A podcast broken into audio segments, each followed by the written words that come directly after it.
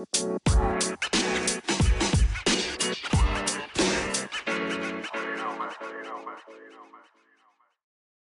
hey, super tof dat je luistert naar een nieuwe aflevering van de Positief met Pubers podcast. Mijn naam is Janneke en dagelijks beantwoord ik allerlei vragen via mail en DM van ouders die struggelen met dingen in de opvoeding van hun puber. Ik beantwoord deze vragen en in de podcast behandel ik elke aflevering een vraag met jou. Ik geef je mijn visie en ik neem je mee in mijn dagelijks leven. Mocht je dat nog niet gedaan hebben, abonneer je dan op deze podcast, zodat je geen aflevering meer mist. En als je deze podcast tof vindt, geef het dan zoveel mogelijk sterren of een positieve review. Hoe meer positieve reviews, hoe meer platforms als Spotify en Apple Podcasts deze podcast gaan aanbevelen aan andere ouders die deze podcast nog niet kennen.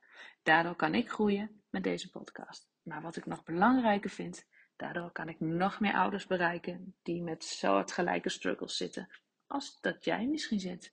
Je zou me enorm plezier mee doen. Dus dank je wel alvast. En nu gaan we gauw beginnen.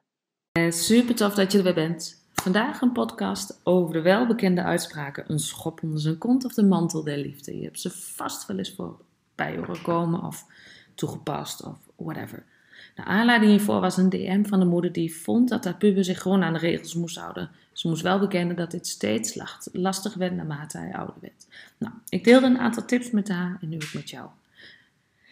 Je wilt ervoor zorgen dat je puber dus netjes aan de regels en de afspraken houdt, of niet? Nou, ik kan je vertellen, net als wat deze moeder ook ervaarde, dat dat soms best een hele uitdaging kan zijn. Maar maak je geen zorgen. Ik heb een aantal suggesties voor je die nou ja, het wat makkelijker maken tussen haakjes.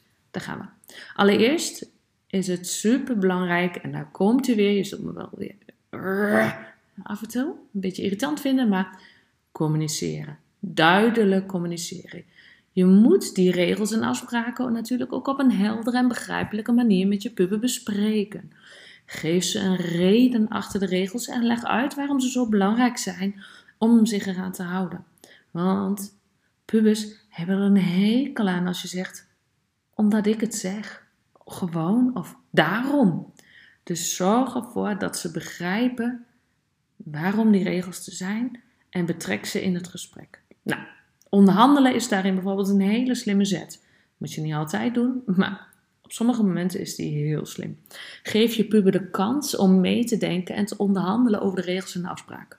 Op die manier voelen ze zich meer betrokken, gezien, gehoord en gemotiveerd om ze na te leven.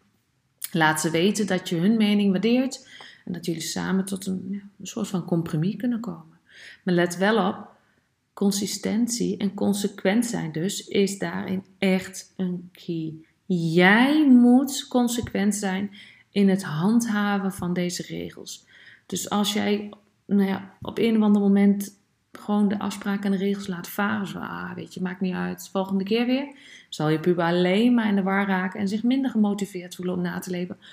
Of ze zullen gebruik maken van de situatie omdat jij nu minder consequent bent. Dus de volgende keer zeggen ze ook, ja, maar de vorige keer vond je toch geen probleem. Dus wees het voor, wees consequent, kom je eigen afspraken na en laat zien dat je ze hen serieus neemt. Een ander punt, wat ik ook altijd aangeef en heel belangrijk vind, is dat je zelf het goede voorbeeld begeeft. Weet je, pubers kijken namelijk nog steeds graag naar het gedrag van de volwassenen. Ja, ook al lijkt het soms van niet. Dus als jij zelf consequent de regels naleeft, is de kans groter dat je puber dat ook doet. Dus wees een rolmodel. Kom je afspraken na. Beloof je iets aan je puber? Kom dat dan ook na. Wees het rolmodel dat zo, zo hard nodig hebben om volwassen te worden.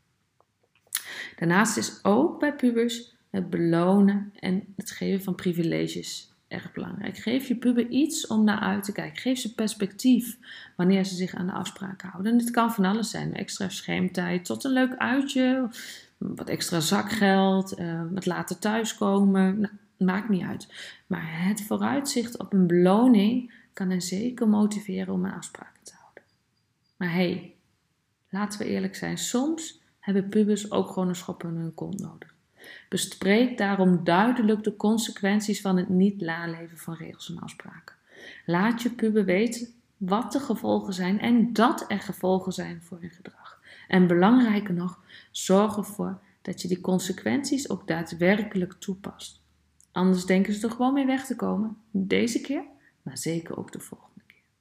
Nou, zoals ik al zei, houd die communicatielijnen ook open. Dit is ook iets wat ik heel vaak zeg, maar wat ook zo belangrijk is. Praat regelmatig met je puber en moedig hem aan om met jou te praten over eventuele dingen, vragen, problemen die ze ervaren. Door open te communiceren kun je je problemen gewoon, of jouw problemen, maar kun je de problemen van je puber heel vroegtijdig erkennen, herkennen en aanpakken en begrip kweken. Dus wees een luisterend oor, zonder te oordelen en toon begrip.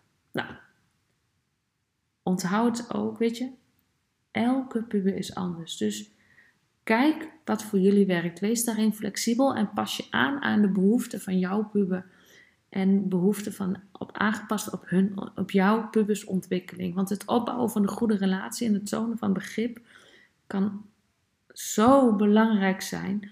En daarin is het zoeken naar een balans erg belangrijk. En de structuur bieden erg belangrijk. Dus ook het naleven van die regels en afspraken. Dus geef vooral niet op. En ja, weet je, ik kom er nog heel even op terug. Het welbekende schop onder de kont. Weet je, soms lijken ze gewoon te denken dat ze de koning of de koningin van het huis zijn.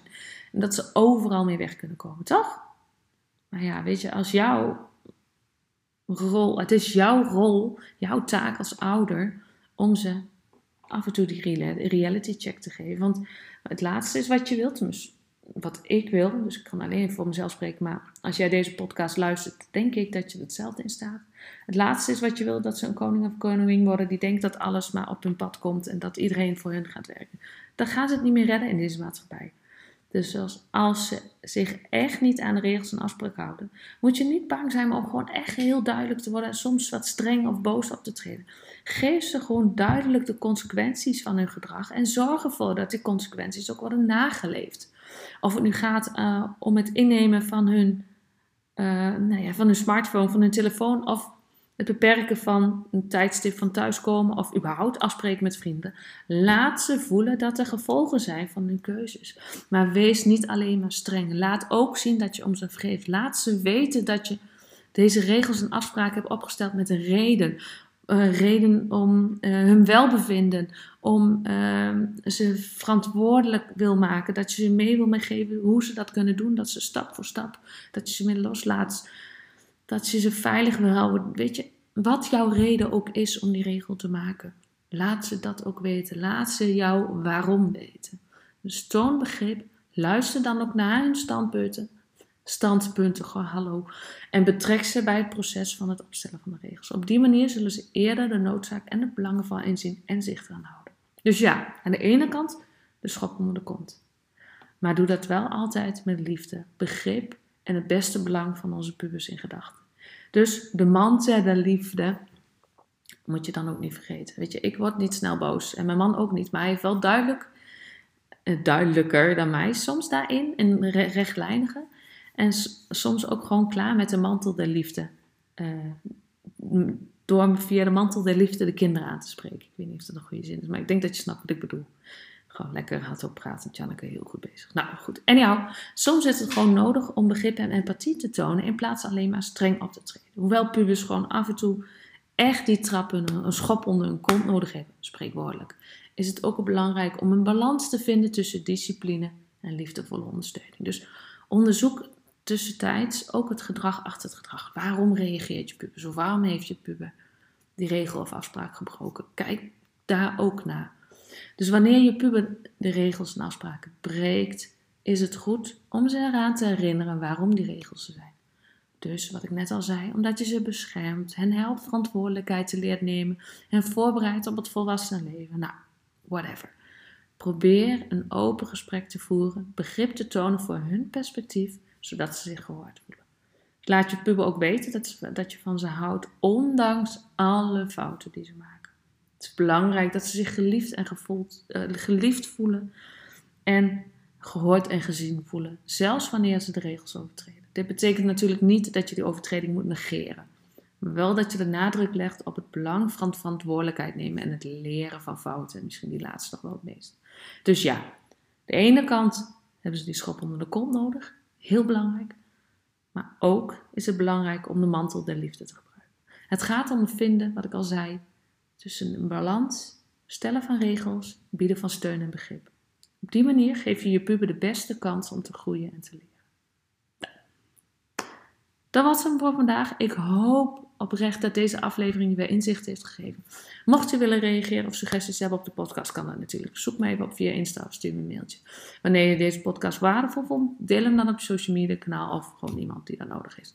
En reminder, de pubereditie is nog steeds beschikbaar. De link naar alle informatie vind je in de show notes. Dankjewel voor het luisteren en tot de volgende keer.